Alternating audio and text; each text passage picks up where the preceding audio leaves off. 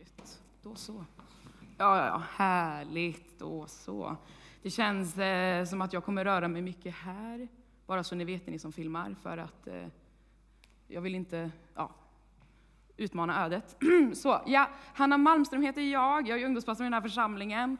Eh, superkul, vilket coolt gäng ni är, asgrymma. Alltså, så roligt hörni, när vi får fira gudstjänst tillsammans. Är det någon som är glad att det är söndag och det är gudstjänst igen? Kom igen! Ja, såklart, jajamän, halleluja. Absolut. Jag kommer från Vargön, eh, men flyttade hit i juli månad. Så när gänget kom sen och sa det att ah, de här är från den här platsen, jag kommer inte ens ihåg vad det är, jag är ledsen. Då var jag så här, jag vet ju inte vart det är, men det är utanför Jo, eller någonting. Jag vet inte. Ja, det var någon som nickade där, skönt. Yes, bekräftelse. Eh, så här är det. Jag har gått nu under veckan och planerat lite grann vad det är jag ska snacka om med er, så vad jag tror att Gud vill, eh, Gud vill förmedla. Och, och grejen är den att eh, igår kväll, det här, ja, det här är jättetypiskt, eh, för Gud och jag, vi har den här relationen där jag tänker att vi är på samma sida och vi planerar tillsammans och så är det klart och så tänker jag att gött, då är vi redo. Och sen så brukar han komma lite grann i sista minuten som jag säger och så tänker han att vet du vad Hanna, vi gör någonting annat. Så, så igår kväll klockan eh, nio så säger Gud att vet du vad Hanna, du ska prata om det här istället. Så, och då var vi på ett ungdomsmöte och vi skulle inte komma hem förrän vid 12.1. så jag satt igår vid eh, ett-tiden och planerade den här predikan. Ja, och vet ni vad? Det bara visar för mig någonstans hur otroligt beroende jag är av Gud. Att det är så ofta som, eh, som folk kan komma fram och uppmuntra en och liksom säga wow vad bra du var. Liksom. Så, ja, fast det är så ofta, hela tiden faktiskt, som jag är så beroende utav Gud. Och att det är så skönt att veta att det inte handlar om mig överhuvudtaget. Utan att om vi kommer till honom med rena hjärtan, med en genuin längtan och, och bara liksom att, men Gud, det här är vad jag har och, och, nu gör jag det för ditt rike, så kommer han vara så fantastisk, så trofast och välsigna. Så, så det, det är det jag liksom, eh, går på i tro den här stunden. Så, så här är det. Eh, jag har ett vittnesbörd och jag delar inte det vittnesbördet om inte Gud säger till mig att jag ska göra det. För det är ett väldigt personligt vittnesbörd som eh, är väldigt jobbigt för mig att dela. Och därför delar jag det bara när han säger att det är dags. Liksom. Så, för jag tycker inte så jättemycket om att dela det. Så gissa vad han säger till mig klockan nio igår kväll. Han säger, vet du vad Hanna, jag tycker att det är dags att du delar ditt vittnesbörd med din församling. Så det är det som kommer eh, här och nu. Så. så så är det, härligt, tack. Eh, så här är det, jag är uppvuxen i en kristen familj som är helt fantastisk. Jag har en, en fantastisk mamma som alltid har funnits där, som alltid har stöttat en och som alltid har tröstat en. Som varje kväll gick in och bad nattbön, alltså aftonbön tillsammans med en, som lyssnade på en och pratade med en och sådär. Och jag har en fantastisk pappa som, som alltid har pushat en till att göra mer, för han såg potentialet i en. Så. Som, som har varit rak och ärlig och som har, som har stöttat en i alla stunder. Eh, ringer jag mina föräldrar så, så ställer de alltid upp och hjälper till. Eh, till och med i stunder där jag eh, kanske till och med stör dem. så ja, ja, men vad är det du vill säga? Vad är det du vill ha hjälp med? Kom igen, liksom. Så. De har alltid prioriterat mina syskon och mig på ett fantastiskt sätt. Och de har varit varmt troende. Som sagt, jag är fostrad i en kristen familj som, som har alltid prioriterat eh, bibelläsning och bön framför allt, och att komma till kyrkan. Så. Eh, spelade ingen roll hur trött du var på söndagsgudstjänsten, eller till på söndagen, du skulle på gudstjänst, för det var söndag. Och du skulle till din familj, församlingen. Men det kommer ju en tid i livet som jag tror vi alla, liksom ändå på ett eller annat sätt, kommer till. Och det är frågan, vem är jag? Vad, vad är liksom meningen med mitt liv? Varför är jag här? Eh, vad är mitt värde? Och även fast jag var ganska ung och kanske var inte tankarna precis så välformulerade, så började det skapas en, eh, en panik i mig, där jag undrade vem jag var. Eh, och, och vad var meningen med mitt liv? Och jag började jämföra mig otroligt mycket med människorna runt omkring mig.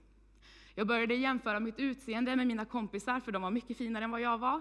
Jag började jämföra mig med kompisar som eh, var duktiga och var mycket duktigare än vad jag var. Min stora syster hon var, hon var en stjärna. Liksom. Hon var både finare, äldre, populärare och duktigare än vad jag var. Och jag hade en lillebror som mycket enklare fick kompisar än vad jag fick. Eh, så jag började jämföra mig, och jag började jämföra mig med alla människor jag mötte. Och när man gör det, när vi jämför oss med andra, så tror jag att vi väldigt, väldigt ofta inser att vi inte blir nöjda med resultatet. Vi blir inte nöjda med eh, vad vi inser när vi jämför oss med andra. För vi kan se så mycket fantastiska guldkorn i andra människor, men det är så svårt att hitta dem i oss själva. Har du någonsin sett dig i spegeln och tänkt att du är värdelös? Har du någonsin sett på dig själv och tänkt, det finns inget bra med mig? Att du har stått där och så har du insett att du blir ledsen, för det finns ingenting i dig som du ser som är vackert, som är dyrbart, som är värdefullt. Jag minns det så väl när jag stod framför spegeln en dag och jag grät, för jag insåg att det inte fanns något vackert i mig. Varken utseende eller insidan. Det fanns ingenting i mig som var värdefullt. Det fanns ingenting i mig som hade mening. Och det fanns ingenting i mig som var värt att leva för. Har du haft den tanken? Du kanske inte har haft en sån djup tanke. Du kanske inte har, har uttryckligen sagt att det kanske inte är värt att leva, som jag hade, för det hade jag. Men är det så att du ibland har kanske sett på dig själv och du har inte varit nöjd med resultatet? Kan det vara så att du ibland har ställt dig frågan, vad är meningen med mig och mitt liv? Och du vet faktiskt inte svaret. Och du undrar varför du inte får ett svar. Och du undrar varför det är ett mörker, kanske runt om dig. Vi alla kämpar ju alltid, om vi ska vara ärliga med oss själva, och ni behöver inte berätta för mig vad ni kämpar med, men vi alla kämpar ju med vårt värde någon gång i livet. Eller? Är jag den enda? Nej, jag tror inte det. Vi alla kämpar ju någon gång med vår identitet. Alltså varför, varför säger jag ja till så mycket saker på, på mitt jobb eller här i församlingen? Är det för att jag vill, för att jag älskar det, eller är det för att äh, men, då blir jag bekräftad, då är jag duktig, då gör jag någonting som är värt? Eller varför, varför liksom gör jag den här saken som är så viktig? Jo, men för att då blir jag bekräftad. Eh, varför är det så viktigt för mig att folk kommer fram efteråt och säger att jag gjorde ett bra jobb? För annars så går jag runt och tror att jag inte har gjort ett bra jobb. Jo, men för att jag behöver bekräftelsen. För jag tänker någonstans att mitt värde går ut på vad kanske andra tycker, vad andra bekräftar mig av, eller hur? Och det finns olika saker, alltså det är olika områden i livet där vi behöver den, eller hur? Eh, alltså, jag vet en kompis till mig, eh, när hon uppträdde så, hon sjöng, jag gick estetmusik i, på gymnasiet, eh, så. Och, och, och, när hon hade gjort det, om det var så att det inte kom fram någon och sa att hon hade varit duktig, då trodde hon att hon hade varit jättedålig. Och hon gick verkligen och sa det här till mig, att Hanna, eh, du måste säga till mig att jag har varit duktig efteråt.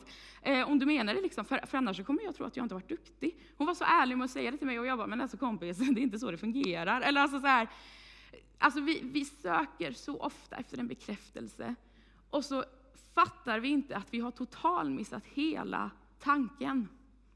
För min bekräftelse och min identitet är inte i mig själv, utan den är i Jesus Kristus. Och jag stod där och jag tänkte att det inte fanns någonting i mig som var värt att leva för. Och jag tänkte till och med att är det så att jag dör, så kanske mamma och pappa är ledsna ett tag. Kanske några kompisar, kanske mina syskon. Men de kommer väldigt fort glömma det och gå vidare och de kommer inte ens att sakna mig. Har du tänkt det någon gång? Kan du förstå den tanken? Jag var 12 år gammal. Och de funderade på att sätta in mig på psyk, för de var rädda att jag skulle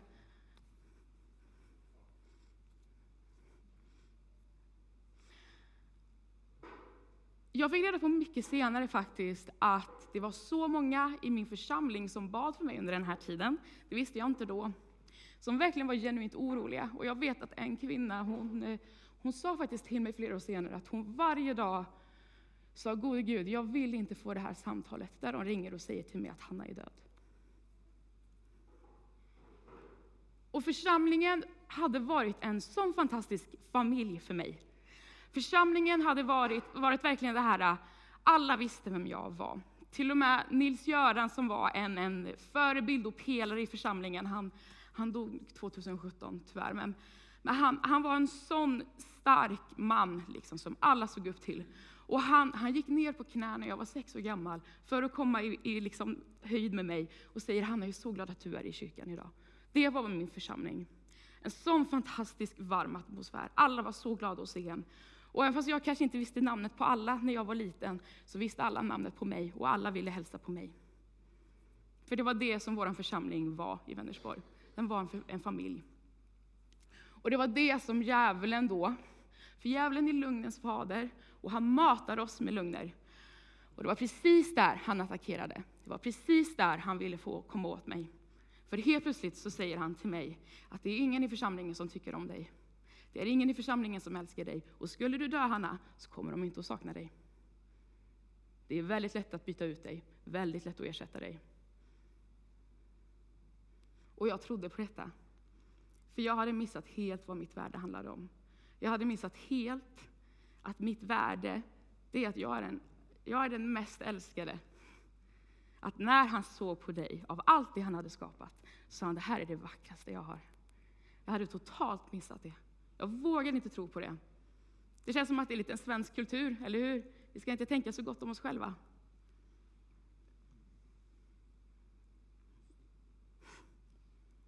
Det är jätteobibliskt. Vadå? Du är hans ögonsten. Du är det ädlaste han har. Kan du titta dig själv i spegeln och säga det? Kan du göra det? Eller är det för osvenskt? Är det för stolt? Det gick till en sån gräns att de ville sätta in mig på psyk. Så, och eh, det slutar faktiskt med då att, att, min pappa är stenhård i beslutet. Och han säger, Hanna behöver inte ett psyk. Hon behöver Jesus. Så enkelt var det. Och jag menar inte på något sätt att nedvärdera psykiatrin och allt det de försöker göra. Men han var väldigt tydlig och han sa det, ni får inte ta henne ifrån mig. För hon behöver kyrka. Så jag gjorde en deal med mina föräldrar. Att jag skulle börja gå på ungdomssamlingarna på fredagar. Nu vill jag förklara en sak för er. Det finns människor ute i våran vackra stad som inte känner Jesus. Som kämpar med saker, som, som tror saker om dem själva som inte är sant. Varför då? Jo, för att de tror på lugnens fader och det är djävulen. Och han kommer bara för att stjäla, slakta och döda. Okej? Okay? Det står slakta, det är ganska brutalt tycker jag. Det är, det är liksom inte skada, utan det är slakta vi snackar om här. Och det är det han vill göra. Och det finns så många människor som tror på lögnen som är över deras liv. Okej? Okay? Och när jag då som kommer till kyrkan och jag tänker, alltså vad i hela friden ska jag göra här? Det är ingen av de här ungdomarna som vill hänga med mig. Och istället så möts jag av en otrolig kärlek. Alla ungdomar är så glada att Hanna Malmström har kommit på ungdomssamling. Och det får mig ibland att tänka att när det kommer in människor i vår kyrka som inte känner Jesus, hur möter vi dem? Ser vi dem för dem som de är i Guds ögon? Eller ser vi dem som väldigt gärna lugnens fader vill se att vi ska se dem? De kanske är lite märkliga, de kanske inte kan vårt språk, de, de kanske inte är fina. Vi kanske tycker att deras utseende är inte som, så behagligt, jag vet inte. Men jag kände ju allt det där, att jag inte var bra, att jag inte var värdefull. Och när jag då klev in i kyrkan och jag blev välkomnad och jag blev älskad, så hände det någonting med mig. Och det var fortfarande en jättelång väg för mig att gå. Det var jättejobbigt var det. Alltså nej, det var ett helvete var det. Ni vet, ni vet alltså att, eh, att på kvällen tänka, snälla, jag vill inte vakna imorgon. Jag vill inte vakna imorgon. Och när du sen vaknar så bara grips du över en sån ångest, för du vill inte göra den här dagen. Och du måste upp, du måste upp ur sängen och göra den här dagen. Det är en förfärlig och utmattande känsla. Och en av mina ungdomskompisar då i församlingen, hon, eh, hon säger att det ska vara ett ungdomsmöte, men med flera andra tal ungdomssamlingar eh, veckan efter. Och jag, jag tänker så här, nej men det här vill inte jag gå på. Och min ungdomsledare, han kommer fram till mig och så säger han så här, vet du vad Hanna? Jag tänkte det här, jag sa inte det högt, men han, han, tänkte, han sa så här att Hanna om du kommer, då kommer jag hämta upp dig. Och jag kommer köra dig dit, vi kommer ha en jätterolig tid och sen så kör jag hem dig igen. Okej? Okay? Jag lovar, vi kan käka Max efteråt. Han verkligen försökte sälja in det här till mig. Och jag tänkte det att, alltså nu när han frågar så kan inte jag säga nej. så vad jag gör det är att jag åker på det här ungdomsmötet. Det var i, jag är från Pingstkyrkan i Vänersborg och det här var i Pingstkyrkan Trollhättan. Vi hade det med. Eh, och när vi sitter här på mötet så får jag inte ut någonting av undervisningen. Och jag tänker verkligen för mig själv att eh, jag kommer nog snart att dö, tänker jag faktiskt. Och då så sitter en av mina kompisar bredvid mig och hon säger det att liksom, när, det, när undervisningen är klar och det är lovsång, så säger hon så här till mig, Hanna vet du vad, vill du gå fram till förbön med mig? Så jag, Nej, sa jag, jag tänker inte gå fram till förbön. så där, där ska inte jag ha att göra. Eh, för jag tänkte att, att det var inte en plats för mig. Jag, skulle, jag, jag var inte tillräckligt bra för att kunna få gå fram. Och då kommer en vän till mig upp, hon heter Josefina Gniste. Eh, hon är ju väldigt populär i lovsång idag. Så, eh, jag tycker väldigt mycket om henne. Eh, och hon, hon går upp där på scen, för hon var pastor i den församlingen vid den här tiden. Och hon säger det att det kan vara så att du sitter här, som känner dig som den förlorade sonen. Att du en gång har varit hos Fadern, men du har vandrat bort, du har gjort saker som du inte är stolt över. Men att om du kommer tillbaka, då kommer han till och med att springa mot dig med vidsträckta armar, öppen famn, och han kommer välkomna dig hem. Och idag måste du bestämma dig för om du vill komma tillbaka. För det handlar om idag, säger hon. Eh, och min kompis fattar, alltså det, det, här var ju ingen hemlighet, alltså det var ju väldigt tydligt att jag inte mådde bra. så här, och hon fattar liksom, hallå Hanna, det här är du, det här är du, du måste göra det här. Eh, och jag säger det till henne rakt ut, vet du vad, nej jag tror inte det, för jag tror inte att han ville ha mig.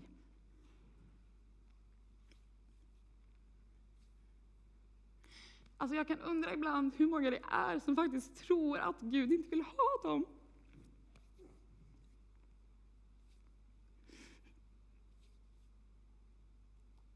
Alltså hur många är det där ute som tror att de inte kan få komma till vår kyrka, för de är inte tillräckligt bra. De är inte tillräckligt fina.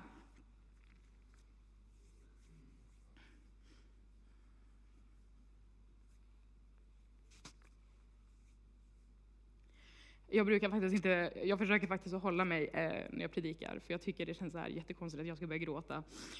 Eh, men det är hans fel, för han sa det här klockan nio till mig igår kväll, så jag har faktiskt inte kunnat förbereda mig. Jag ber så mycket om ursäkt. Nej, men så här alltså. Hon säger till mig, Hanna, den dagen då jag tog emot Jesus var den bästa dagen i mitt liv och jag har aldrig ångrat den, sa hon. Jag vill att du följer med mig nu och jag vill att du går in på förbön.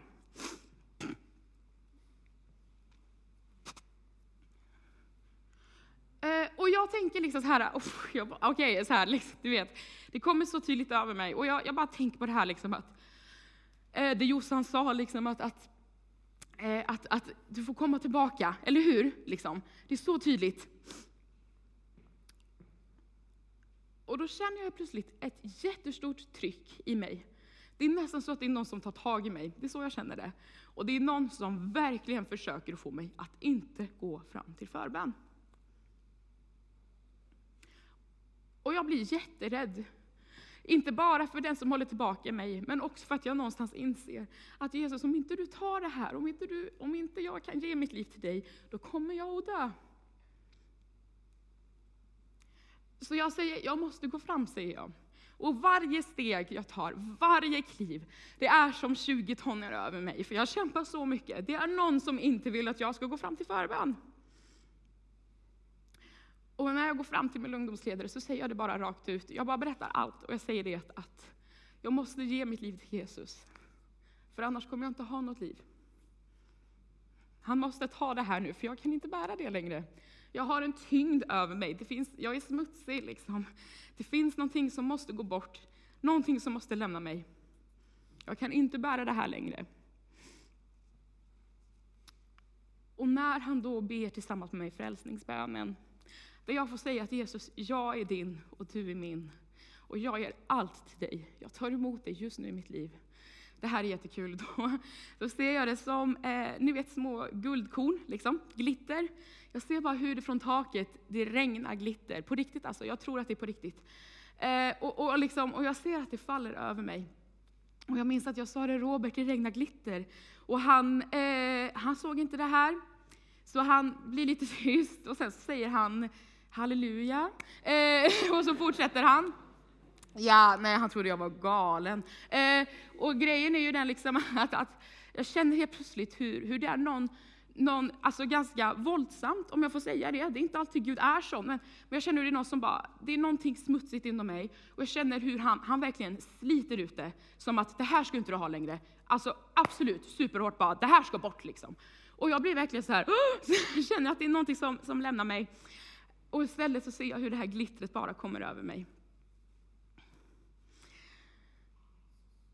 Och jag blir helt förvandlad. Och, eh, och Robert, då, min ungdomsledare, han frågade mig liksom så här, ah, Hanna vad händer nu? Och jag sa att jag måste, jag måste ge allt, sa jag. Alltså jag ska döpa mig. Jag ska, jag ska gå all in, sa jag. För att, att jag hade inte haft något att gå all in för om det inte var för Jesus. Så jag döper mig ett halvår senare och, och, under den här tiden som, som allt det här sker så, så får jag gå på en fantastisk resa med Gud, där det är så många människor som säger till mig att, att Hanna, den här Jesus-grejen, den får du fortsätta med, för den är bra, den funkar för dig. Liksom. Absolut, säger jag. Jag är så såld på Jesus. Eh, och, och, det, och det slutar med att jag till och med tar med mig två av mina kompisar till kyrkan, som senare också blir frälsta. För att när du väl har smakat på det som Jesus har att ge dig, det går inte att hålla tyst. Eller hur? Du vill att andra ska få smaka på det. Och vi har olika sätt att göra det på, absolut. Vi har olika sätt som vi vill, vi vill ge det här goda, fantastiska smaken vi har fått se, eller hur? Smaka och se att Herren är god. Alltså, och jag kan bara känna det ibland, en sån nöd verkligen, för våran stad, för Tibro. För att du och jag, vi har fått smaka och se att Herren är god, eller hur? Vi har fått smaka och se att det finns så mycket mer. Jag hade en predikan för några månader sedan om att det finns en så större plan för dig och mig. Vi tänker så här lite och Gud är så mycket större. Han har så många mer tankar för dig. Han har så goda idéer som han vill ge dig för att du ska få ett sånt fantastiskt liv. Och sitter du här idag och du inte känner Jesus, jag kan lova dig att den dagen då jag tog emot Jesus i mitt liv, det var en dag där jag, där jag verkligen på riktigt började leva. Och jag fick inse att, att kristendom inte handlar om vad jag inte får göra, att jag ska vara så prydlig och fin som möjligt, för det var jag, haha, det var jag inte. Alltså, kan Jesus, kan Jesus tar emot mig, vill han ha mig, jag lovar, då vill han ha dig också. Alltså, jag, det, alltså ribban var låg, jag lovar. Eh, så, det finns många som tittar på mig idag och tänker, Hanna är jättekristen och hon är pastor och lalala. Alltså jag lovar, ribban, det fanns ingen ribba. Den var där nere liksom. Eh, jag gjorde så mycket saker för att jag ville provocera. Jag testade på saker för att jag hade tomrum, precis som vi sjöng här innan. Ett tomrum som skulle fyllas och jag fyllde det med så mycket annat. Med alkohol, med killar och allt möjligt. Och jag tänkte att alltså, det, här, det här kommer hjälpa mig och det gör det inte. För det enda som kan rädda dig, det är Jesus Kristus. För han är ljuset som lyser i mörkret och mörkret kommer aldrig att övervinna det. Okej, okay, det står så i Johannes, och det är biblisk princip. Så här är det, ja jag gjorde den för dig. Eh, så här är det. Jag är fostrad med att min pappa säger att det här är en biblisk princip, så jag har insett att jag börjar säga det också. Och det finns några som tycker det är lite kul att jag gör det. Ja, så den, eh, den, den var för dig. Eh, men, det här, okej, okay, det här, alltså this is it. Det här är vad jag har att dela med dig. Men, men, men kära församling, kan det vara så att det finns en annan Hanna Malmström där ute? Som Gud har sänt till dig. Fattar ni vad jag menar? Kan det vara så att det finns en person i din skola, på ditt jobb, i din, i din kompisgrupp, jag vet inte. Kan det vara så att det finns en person som ännu inte tror på att de är värdefulla, som ännu inte tror på att de får komma till kyrkan precis som, jajamän, precis som de är. Och där du får precis vara som min, min kompis som säger Hanna, den dagen då jag tog emot Jesus i mitt liv var den bästa dagen i mitt liv och jag har aldrig ångrat det. Kan det vara så att du kan vara som min vän och förändra och förvandla livet på någon?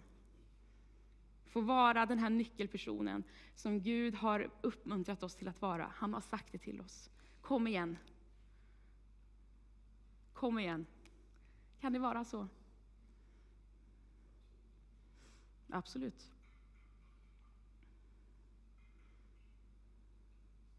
Det är riktigt bra hörni, det är riktigt bra. Jag tänker att vi gör så här. Vi kan ta och ställa oss upp allihopa. Jajamän, det gör vi.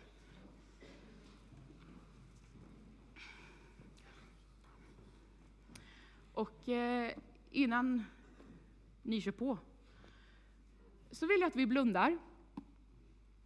Och så vill jag så här bara att eh, jag ber lite grann här och så läser jag Bibeln lite grann. Eh, men är det så att det finns en person, en person som kanske behöver just dig, för du är viktig.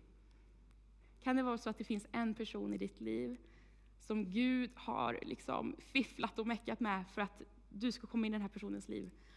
För att han vill att du, att just du, ska få visa att smak och se att Herren är god. Finns det en person? Jag tror det. Är det så att det inte kommer upp någon, då vill jag, då vill jag att du ska bara få be att Gud ska få visa dig det. För jag tror att vi alla här har fått ett fantastiskt uppdrag. Det är ett förtroende som han har gett oss. Det är helt fantastiskt. Alltså vilken förmån det är. Att han vill, han vill göra det här med dig och mig. Teamwork. Är det så att det finns en person som du behöver gå till, som du behöver vara ett ljus för, som du behöver likna med Jesus. Jesus, jag bara tackar dig för att du är så fantastisk. Jag tackar dig Herre för att vi kan få komma till dig precis som vi är. Precis sådana vi är, med alla våra fel och brister. Och du älskar oss ändå, för du har ju älskat oss först. Innan vi ens kunde dra ett andetag eller forma en tanke, så älskade du oss Herre. Och därför vet vi att det inte handlar om prestation. Det handlar inte om, om vad vi gör eller hur vi gör det, för du älskar oss ändå. Men Jesus, är det så att det finns människor i våra liv som du har gett oss ett hjärta för, som du har lagt på våra hjärtan för att du älskar dem, Herre. Så Jesus, så ber jag dig just nu att vi ska få mod och vishet och kärlek till att låta dessa människor få lära känna dig. Jesus, jag ber att människofruktan ska få gå i Jesu namn. Prestation ska få gå i Jesu namn. Herre, vi gör det för att vi älskar dig och vi älskar människorna du har gett oss i våra liv. Herre, och jag ber att precis som, som du har förvandlat så många av oss, både mig och så många andra, så tackar jag Herre för att du inte är klar. Det är aldrig kört. Du har så mycket mer. Tackar dig för att, att vi kommer få se våran stad få bli förvandlade. Jesus, vi bara ärar, vi bara ärar dig Herre. Vi älskar dig så mycket. Hur fantastisk är du inte Jesus? Jag vill alltid prisa Herren och hans lov ska ständigt vara i min mun. Min själ ska vara stolt i Herren. Det ödmjuka du ska få höra och du ska få glädjas av det. Lova Herren med mig. Låt oss upphöja hans namn tillsammans. För jag sökte Herren och han svarade mig. Och han räddade mig från allt som skrämde mig. För jag sökte Herren och han svarade mig. Och han räddade mig från allt som skrämde mig. Jesus, vare sig det är vi här som behöver ropa till dig, eller till en vän i våra liv, så tackar jag dig för att du svarar oss och du räddar oss. I Jesu namn. Amen.